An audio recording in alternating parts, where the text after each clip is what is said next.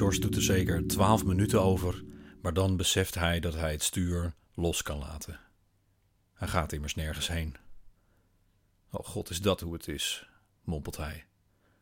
Hij schrikt van zichzelf en kijkt heen en weer over de parkeerplaats. Niemand reageert. Toch draait hij zijn raampje dicht, zodat niemand hem meer kan horen. Voor de twintigste keer kijkt hij naar de schuifdeuren van de supermarkt. Nog niemand. Wat doet ze hier toch lang over? Alles doet ze lang over. Alles duurt ook lang. Wat duurt alles toch lang, verzucht hij. Door de voorruit ziet hij een jonge moeder in iets dat hij zou beschrijven als een kruising tussen een broek en een maillot. Ze lacht naar haar kinderen. Hij niet. Twee vakkenvullers die een rij karretjes terugrijden naar de standplaats kijken om naar haar. Jos zijn blik wandelt ook even met haar mee naar haar auto. Dan kijkt hij weer in zijn achteruitkijkspiegel. Hij ziet zichzelf.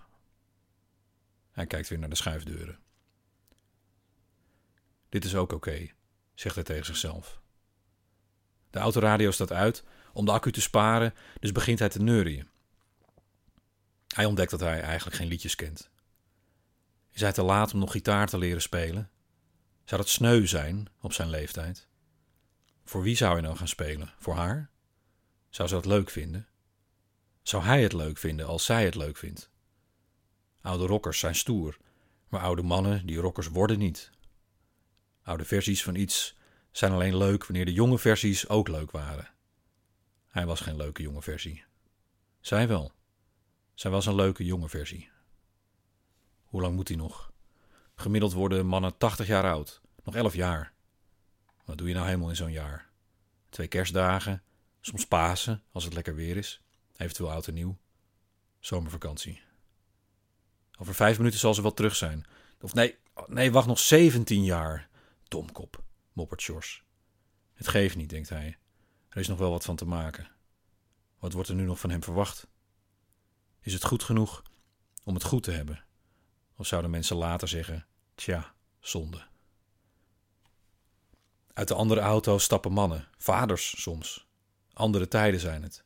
Niemand blijft meer in de auto wachten tot ze terugkomt. Hij staat onhandig geparkeerd, ziet George ineens, net over de lijn. Hij start de motor om de auto iets rechter te zetten. Achter hem verschijnt een andere auto. De auto denkt dat hij weg gaat rijden en wil George zijn plekje innemen. De bestuurder ook waarschijnlijk. Ze willen zijn parkeerplek. Ze willen zijn plek innemen. George zet de motor weer uit. Hij schuift iets onderuit op zijn stoel. Niemand ziet dat hij er zit. Toch? Niemand ziet hem nog.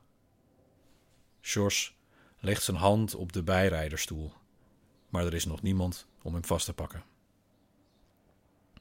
Papa, vraagt mijn dochter vanaf de achterbank, wacht die meneer op zijn moeder? We kijken naar iemand die ik later George zal noemen. Ja, zeg ik, en ik zoek zuchtend een andere parkeerplek. We wachten lieverd. Allemaal.